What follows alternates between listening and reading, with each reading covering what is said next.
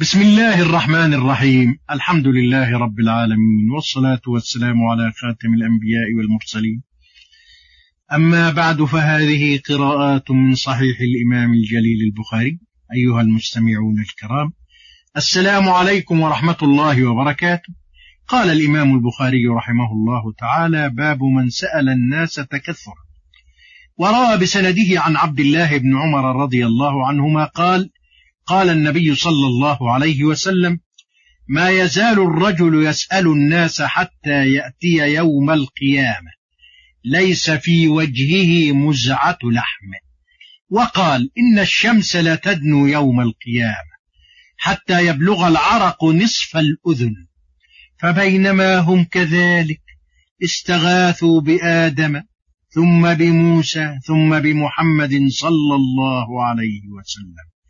وزاد عبد الله بن صالح حدثنا الليث قال حدثني ابن أبي جعفر فيشفع ليقضي بين الناس فيمشي حتى يأخذ بحلقة الباب فيومئذ يبعثه الله مقاما محمودا يحمده أهل الجمع كله أقول وبالله التوفيق يريد البخاري بهذا الباب بيان الوعيد الذي أعده الله للذين لا يسألون لا عن حاجة وفقر ومدقعة وإنما يسألون للاستكثار من جمع المال واكتنازه وعلى هذا يكون تقدير الكلام باب ذم من سأل الناس تكثرا أو باب من سأل الناس تكثرا فهو مذموم.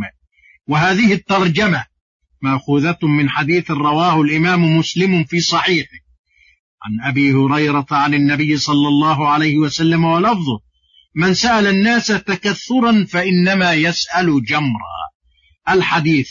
ولما كان الحديث ليس على شرط البخاري أشار إليه كما هي عادته في صحيح بذكره الترجمة بهذا اللفظ.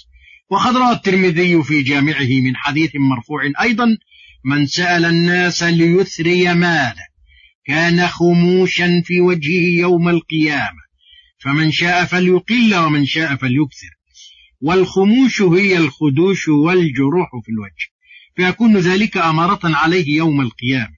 وقوله صلى الله عليه وسلم فمن شاء فليقل ومن شاء فليكثر.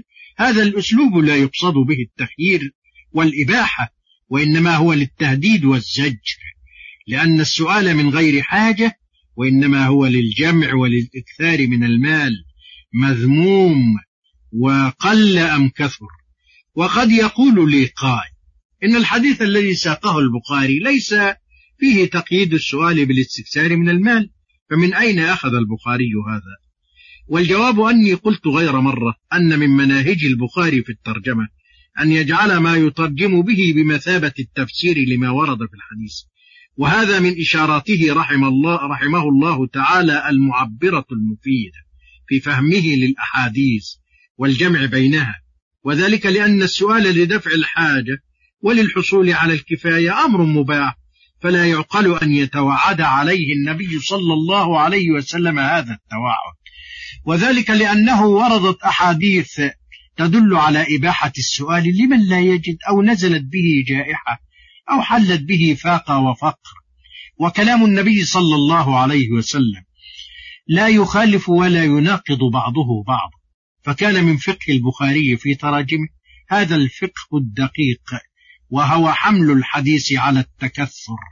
فإذا ضممنا إلى ذلك ما رواه مسلم في صحيح وما رواه الترمذي في سننه يتبين لنا جليا دقة نظر هذا الإمام الجليل وحسن تصرفه في الجمع بين الأحاديث.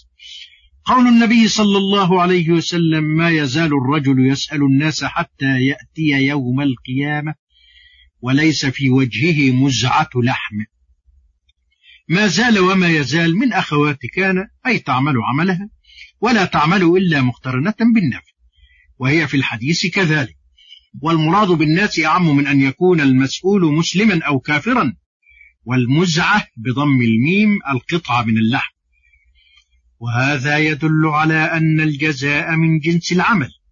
وذلك لأنه أذل وجهه وأراق ماء الحياء فيه بسبب سؤاله فكان جزاؤه أن يأتي يوم القيامة وليس في وجهه شيء من اللحم.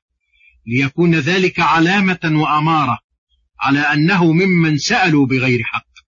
وأيضا ففي مجيئه هكذا قبح وأي قبح وانظروا إلى هيكل من الهياكل العظمية التي تستعمل في كليات الطب لأجل العلم تروا مبلغ القبح في مجيء السؤال السؤال يوم القيامة على هذه الصورة البشعة. والمراد به كما رأى البخاري وغيره من سأل لغير حاجة وإنما سأل للتكثر من المال وجمعه وللشحاذين في البلاد الإسلامية وغير الإسلامية قصص عجيبة فمنهم من وجدوه بعد موته عنده المئات من الدراهم والألوف فلا تغتروا بما يبديه كثير من المتسولين من الفقر والحاجة. وإن, وإن إعطاء رجل عفيف يتستر في بيته خير من إعطاء هؤلاء المموهين الدجالين.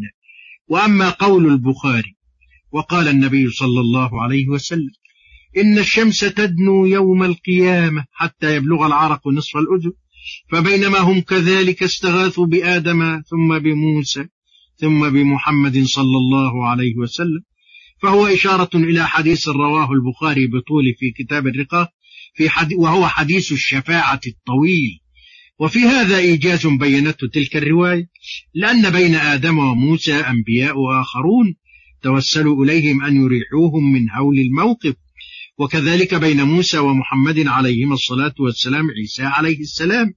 وزاد عبد الله بن صالح عن الليث بن سعد في روايته فيشفع ليقضي بين الخلق فيمشي يعني النبي صلى الله عليه وسلم حتى يأخذ بحلقة الباب أي باب الجنة.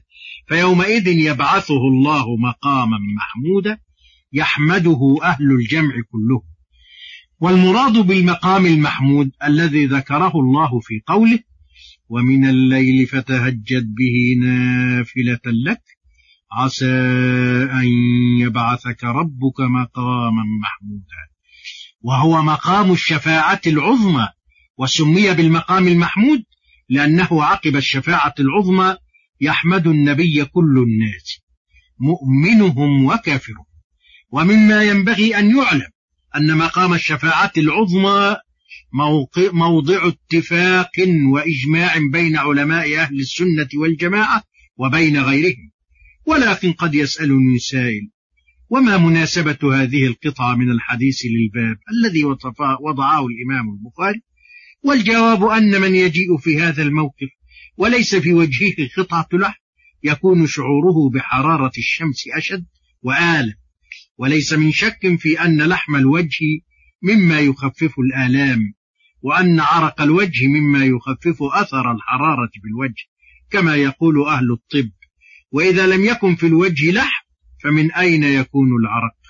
وإلى القراءة التالية غدا إن شاء الله. والسلام